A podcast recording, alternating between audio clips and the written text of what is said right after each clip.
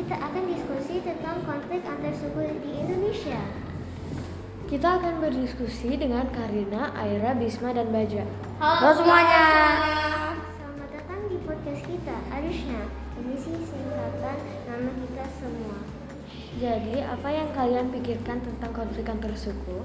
Konflik antar suku itu tidak bagus untuk Indonesia karena kalau ada banyak konflik di Indonesia, Indonesia tidak menjadi negara yang kuat, tenang dan damai.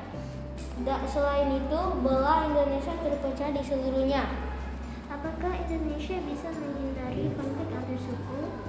Iya, karena beberapa suku atau warga bisa bekerja sama dalam kehidupan sehari-hari. Contohnya bekerja bakti membersihkan lingkungan, mengunjungi tetangga yang sakit, meskipun berbeda agama dan suku. Nah, jadi Indonesia masih bisa menjadi satu negara yang menghargai, menghargai keragaman suku ya. Iya, seperti yang Bisma katakan. Masih banyak orang dari suku yang berbeda ingin bekerja sama untuk Indonesia setiap saja. Oh, dan kalau masih ada banyak orang bekerja untuk Indonesia, ada potensi untuk negara Indonesia bersatu dan selesaikan konflik antar suku.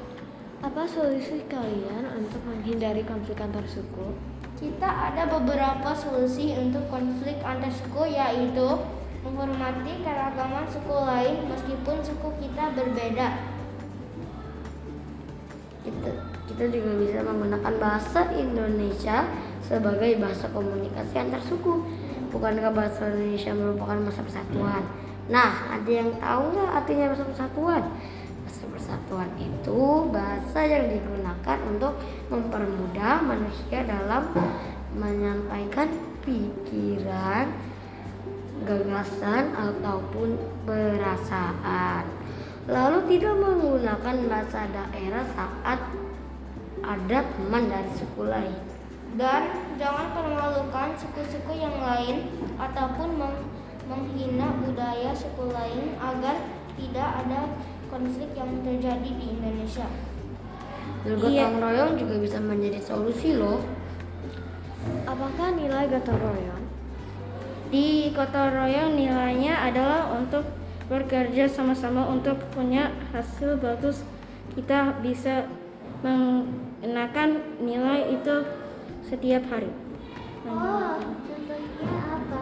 Kerja bakti di lingkungan komplek, menyelesaikan tugas kelompok seperti bekerja sama di punya kelompok di sekolah. Ternyata ada banyak solusi yang bagus untuk antar suku. Membantu orang saat terkena musibah, contohnya seperti membantu orang yang terkena gempa bumi. Iya, banyak solusi yang bagus ya. Tentu saja, tetapi kita juga masih harus menghormati dan saling membantu siapa pun yang memerlukan bantuan kita. Apa pendapat kalian jika masalah ini tidak selesai dan makin membesar? Banyak korban berjatuhan dan beberapa kota hancur lalu nanti Indonesia tidak menjadi satu negara lagi. Jadi, apakah solusi yang sebelumnya kita bicarakan bisa menyelamatkan Indonesia? Tentu saja, karena banyak orang belajar untuk menjadi lebih baik, kita belajar dari setiap peristiwa konflik yang ada kan. Tetapi kita juga perlu untuk tetap mengerjakan rasa saling menghargai, menghormati dan persatuan sejak dari kecil supaya terbiasa. Apakah kalian pernah mengalami konflik antar suku? Tidak ka- karena nilai persatuan tidak terapkan contoh contohnya di kelas kita.